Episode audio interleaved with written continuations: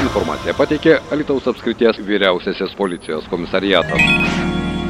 Prie mikrofono Liudas Ramanauskas apie sėkmingą Lietuvos apskrities policijos komisariato operaciją. Šiandien kalbame su Kristina Janulevitinė, apskrities vyriausio policijos komisariato komunikacijos vadovė. Labadiena, gerbima Kristina. Sveiki, Liudai. Ko gero, apie tokius įvykius pranešama kiek vėliau, ne taip jau greitai. Štai pareigūnai nutraukė dar vieną narkotinių ir psichotropinių medžiagų platinimo tinklą, rašote jūs savo pranešime. Galbūt šiandien galite jau plačiau pakomentuoti ir mūsų klausytojams, kas tai per tinklas, kaip sekėsi šią operaciją vykdyti vykdyti, na ir žinoma, kokie rezultatai. E, iš tikrųjų galima pasidžiaugti, kad e, dar vienas toks nelegalus narkotinių medžiagų platinimo taškas e, yra užkardytas ir e, sunaikintas.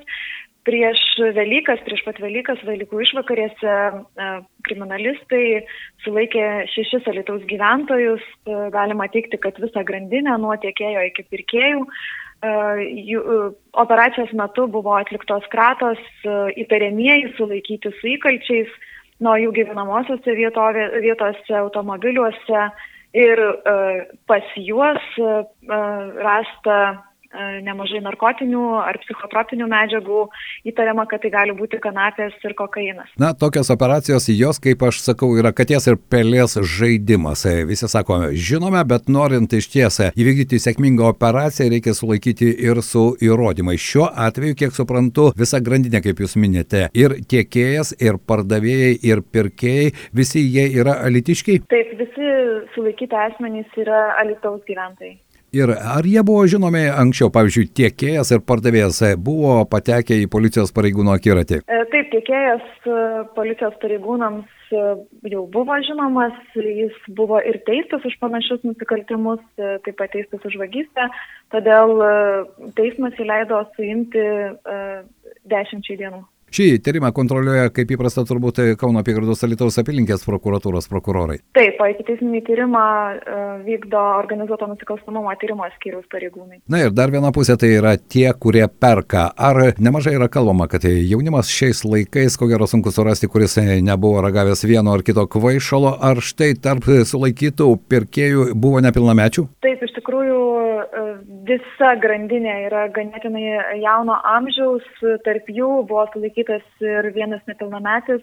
Manoma, kad e, tokių nepilnamečių, kurie galėjo pirkti ir vartoti yra ir daugiau, tačiau tai parodys tolimesnis tyrimas. Ar tai reiškia, jog siūlas bus viniojamas ir toliau, kaip supratau iš jūsų atsakymo? Be abejo, ikiteisminis tyrimas tęsiamas toliau. Kristina, ir dar vienas klausimas, ne veltui aš sakiau, kad tai pelės ir katino žaidimas, nes vis dėlto vykdyti tokias operacijas reikia nemažai surinkti įrodymų, ar ne? Ar ši operacija, na, ji nebuvo momentinė, tam buvo ilgokai ruošiamasi? Taip, iš tikrųjų, tokie tyrimai yra ilgalaikiai ir jiems įdėti reikia labai daug darbo, kad e, galėtum realizuoti e, vieną ar kitą atvejį, todėl e, pareigūnai deda labai daug kruopštaus, nematomo darbo. O galbūt galite pasakyti, kur vyko prekyba, jį vyko kaip automobiliuose, nes na, visokių įtarimų yra. Mes žinome, kad vienas Nemono gatvėje buvo kvaišalų platinimo centras, ar ne čia praėjusiais metais buvo ta įvykdyta operacija irgi pavasarį. O štai šiuo konkrečiu atveju tai yra kažkoks konkretus adresas, ar vis dėlto kvaišalų platintojai puikiai žinodami, kad jie irgi yra policijos akiratyje, ieško pačių įvairiausių būdų, kaip e,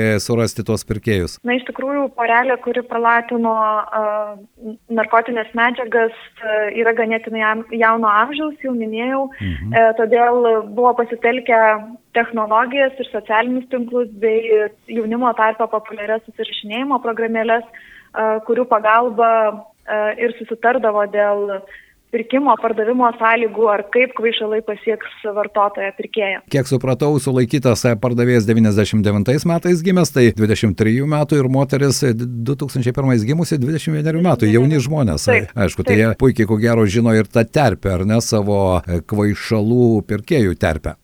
Na taip, manau, kad paklausa ir pasiūla atitiko vieni kitus ir jų amžius taip pat įtakojo tai. Na ir dar vienas klausimas.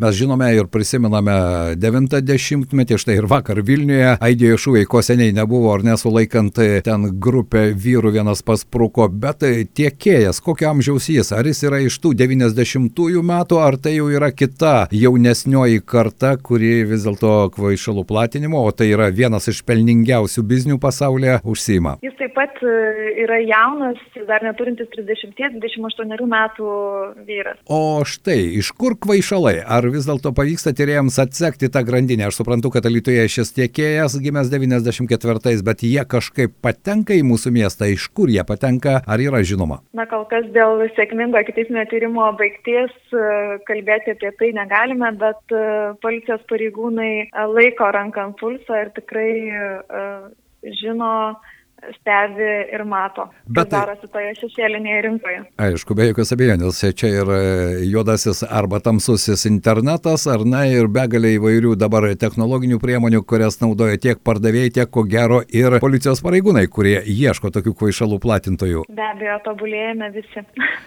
Bet e, tai vienas ir vienintelis buvo kvaišalų platinimo tinklas Alituje, ar ne? Niekas negali pasakyti? Niekas negali pasakyti.